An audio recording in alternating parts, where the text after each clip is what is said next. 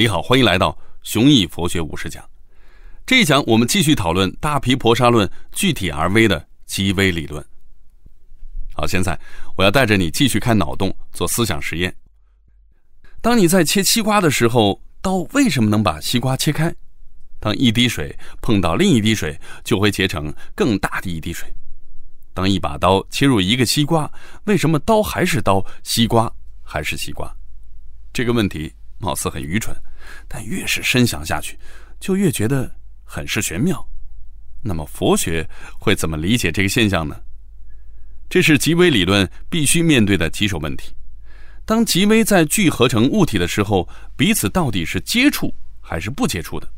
大批婆沙论讨论这些问题，相当具有科学精神。为什么我会这么说呢？好，我们接着来讲。第一小节，极微不触。今天如果有谁去找佛教徒讨论这种问题，一般会被当成存心捣乱。但大毗婆沙论当真很严肃的来做分析和解释。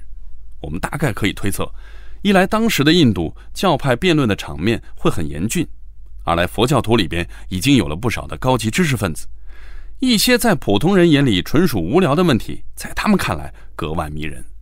古代印度人的思辨趣味确实有点强烈。那我们中国人相比之下就不太爱较真儿，也更喜欢世俗生活，所以佛教在中国才会发展出另外一种样子。我们还可以看看日本，日本人既爱较真，也很喜欢世俗生活，所以佛教在日本就变成了一种既高度世俗化又饱含极致追求的样子，在很大程度上成为世俗的生活美学，或者说使日复一日的世俗生活成为一种追求宗教美感的行为艺术。每种文化都有自己特殊的风格。当我们想象自己进入古印度的语境，就不能害怕繁琐。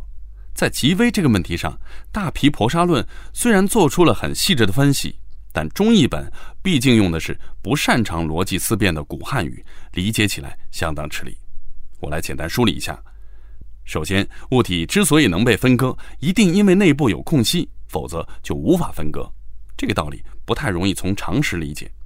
你可以想象一下切西瓜的场景，你一刀切下去，把一个完整的西瓜切成两半但你的刀怎么可能进入一个完整的东西里呢？现在假设你有了孙悟空的法术，把自己和手里的刀放大一万倍，并且你切的不是西瓜，而是一朵云，这样一来你就容易想明白了。一朵云在宏观层面上被我们看成一个完整的物体，但是从缘起性空的角度来看。它不是一个，而是一堆，是由很多个水分子聚合而成的一堆。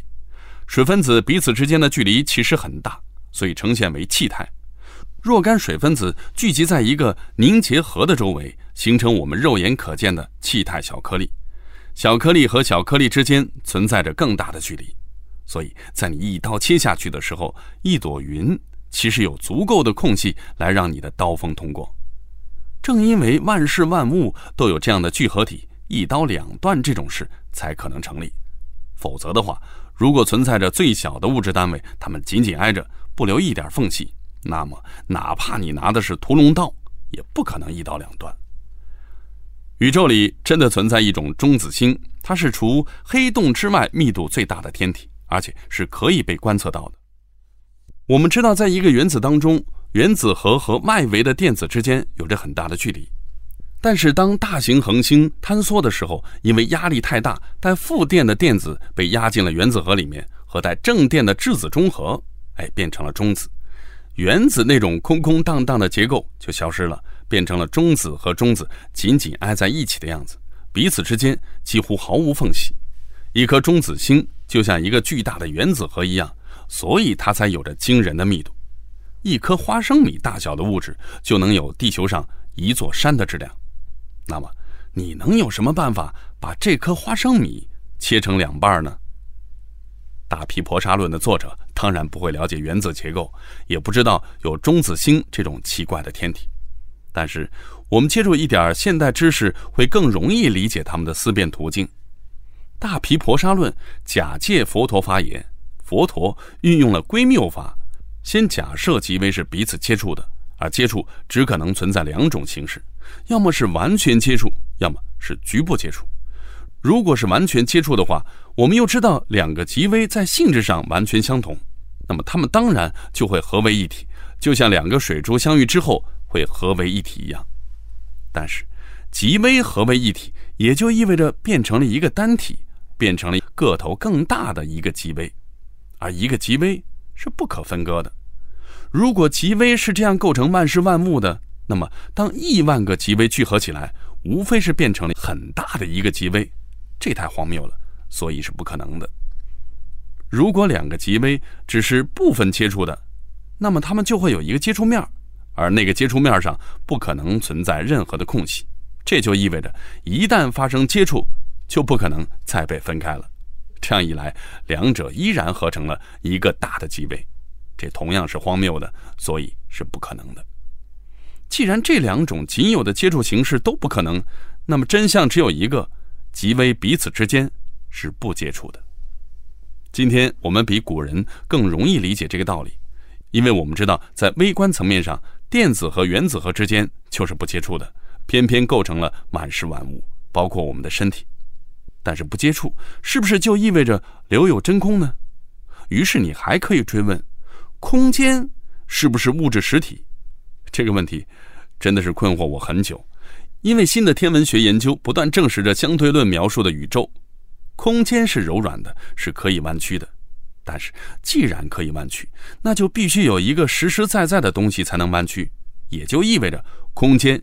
是一种物质实体，我还专门就这个问题请教过万维刚老师，他答复说，空间确实是物质实体。那么，作为物质实体的空间，难道就不会占据我们传统物理学概念当中仅有的方所意义的空间吗？这种问题已经不是逻辑思辨能够解决的了。让我们静待前沿科学的新发展吧。大批婆沙论显然还没有想到这一层，所以我们先不去深究它了。好，我们再来看第二小节，重新理解一切有为法。我们再看第二个问题：同一件东西为什么时软时硬？这个问题之所以成立，是因为极微如果是单一属性的，它们构成的事物也应该是同样属性的。比如上一讲我们讲到了树叶为什么是绿色，因为树叶是由很多绿色的极微构成的。但是绿色的树叶到了秋天为什么会变黄呢？物质形态的变化多种多样，这是否意味着极微的性质会发生改变呢？大批婆沙论的答案是不会的，变化只是因缘的作用。比如水有三种形态，液态的水是柔软的，而固态的水也就是冰非常坚硬。把冰加热的话，它就会消融成液态的水。极微的性质并不曾发生变化，水遇到变硬的因缘就结成冰。冰遇到变软的因缘，就融化成水。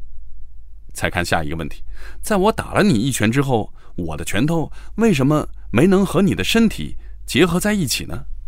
现在你肯定答得出了，极微彼此之间并不接触，所以我的拳头不可能和你的身体结合在一起。但如果是一滴水融入另一滴水呢？从极微的层面来看，这仍然是亿万个极微彼此保持距离的排列着。